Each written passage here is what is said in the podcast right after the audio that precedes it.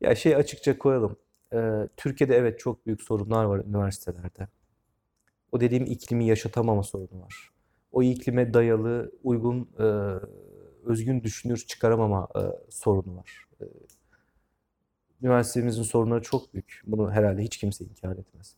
Fakat e, işin bir de e, dünyaya baktığımız zaman da dünyada da çok farklı olmadığını düşün, görüyoruz. Yani dünya, bütün dünyada bir düşüş var. Benim için üniversite ne ifade ediyor? Benim için üniversite öykü yazabilen insanların yeridir. Şimdi bu öykü öykü diyorum konuşmanın başından beri. Ne diyor bu adam? Ne öyküsünden bahsediyor? Ee, her şey bir öykü, bilinen bir söz ile. Gerçekten her şey bir öykü. Yani e, öyküden kastım problemleri, sorulara karşı verdiğimiz cevaplar. Bu cevapların hepsi birer öykü. Bu öyküyü ilk dönemlerde dinler yazdı. Ee, sorular, müşterek sorular sorduk. Hala da sormaktayız. Hala tam olarak çözülememiş binlerce sorumuz var. Örneğin dediler, dedik ki müşterek insan zihni, insanın kökeni ne? Nereden geldi bu insan? Ve buna bir cevap verildi. Verilen cevap bir öyküdür.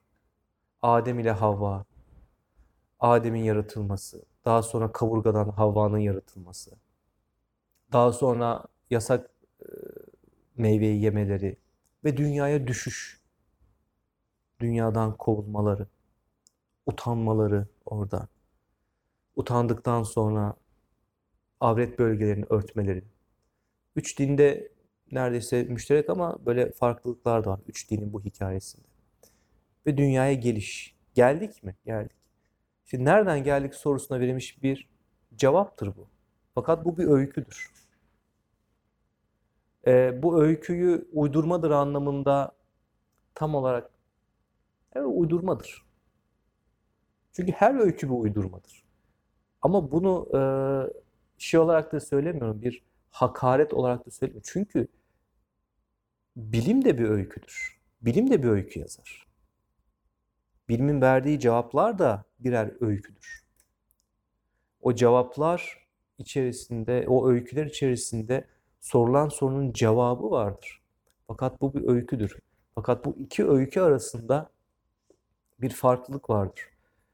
Dinsel öyküler özellikle bunu belki de Sami bölgesinin hani Orta Doğu din anlayışındaki o semavi dinlerin öyküsü olarak daha çok şey yapabiliriz. Sistemi kapatır. Öyküyü kurar, yazar, cevabı verir ve noktayı koyar. Sistemi kapatır. Bu kapalı sistem içerisinde geçmiş vardır, şimdilik yandır bir gelecekten bahsederler. Şöyle şöyle olacaktır filan derler.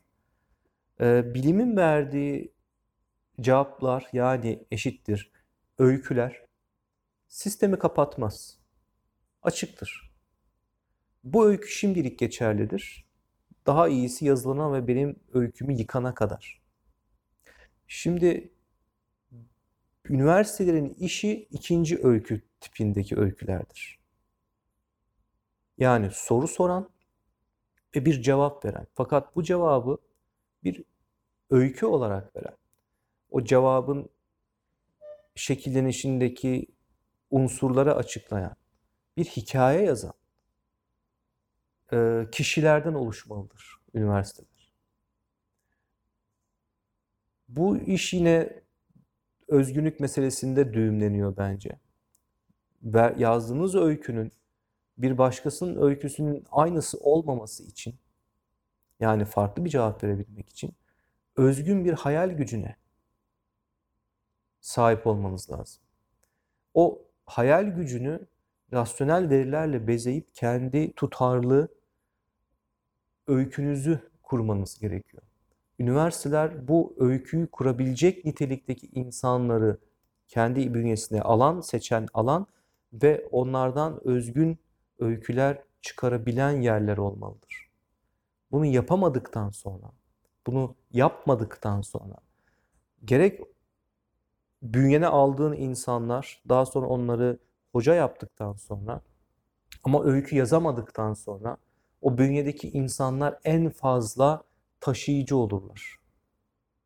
Daha önce de belirttik. Ama üretici olmazlar. Üretim safhası işte o öykü safhasıdır.